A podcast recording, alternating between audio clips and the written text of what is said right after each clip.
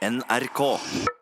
Det skal handle om den fjerde spiseforstyrrelsen. Du har hørt om anoreksia, bulimi og overspising, og nå antar en at rundt 6% av oss har ortoreksi. Fra å spise sunt og gjerne økologisk, trene ofte, bli slank og fine, så mister noen kontrollen og blir sunnhetsslaver. Og Morten Munkvik, når har han gjort seg fortjent til den diagnosen? Ja, nå har han det. Det er jo en sånn grenseoppgang mellom den diagnosen og det å leve sunt og friskt sånn som man egentlig bør.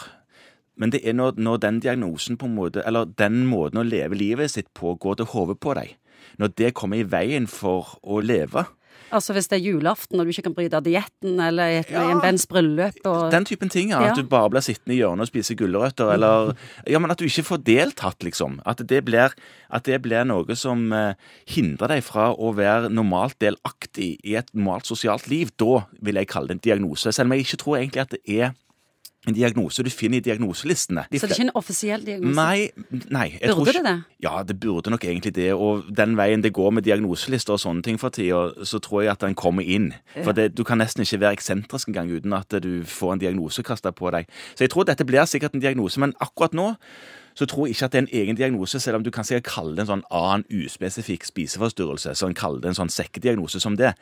Men som sagt, det er en greie hvor man, man vil jo Når en usunn person kommer til legen, så sier vi jo nå må du prøve å motivere deg sjøl for å spise sunnere. Prøve, Trene mer. Ja, tren litt mer. Ta, Gå trappen istedenfor å ta heisen. Alle de tingene der som jo på en måte er det som en ortorektisk person vil sette opp på pidestallen og ha som en sånn ledestjerne, og kun gjør. Så det er, det er en sånn vrien grenseoppgang der, der med hvor mye skal du gjøre av en veldig god ting før det blir for mye av det. Nå blir det sunna usunt. Altså, hvor er grensa? Er det veldig flytende, eller Det er nok veldig flytende og veldig individuelt. For noen så er dette et problem, og det er de som eh, har tvangspreg.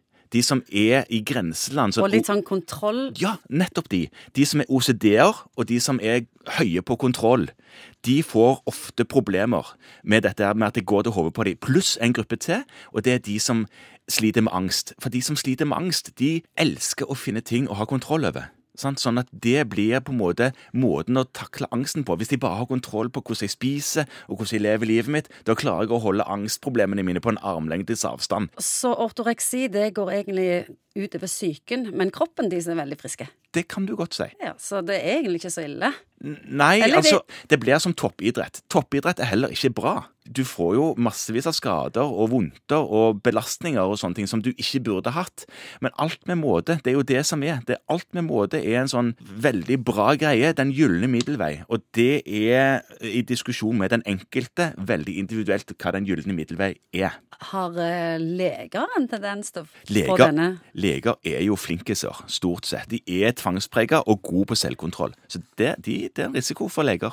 Har du hatt sånne pasienter? Å ja. Å ja, det har jeg hatt. Er det sånn at disse klokkene og armbåndene som teller skritt, kanskje har eh, framskynda dette? Det er klart at den typen helseteknologi er jo med på å man kan jo- Måle alt? Ja, man måler, altså, man kan spørre hvem som helst på gaten som har en smartklokke, hva er det du ligger på i snittpuls i løpet av en dag? Det har jo ikke folk egentlig peiling på, men nå kan de bare trykke fram, og så ser de. Enkelte psykiatere mener at ortoreksi kommer til å bli den nye normalen. Ja, kanskje. Det er jo den veien vi vil. Som jeg sa, det er en grenseoppgang mellom det å ha et problem med det, og det å bare leve godt og sunt og, og helsemessig fornuftig.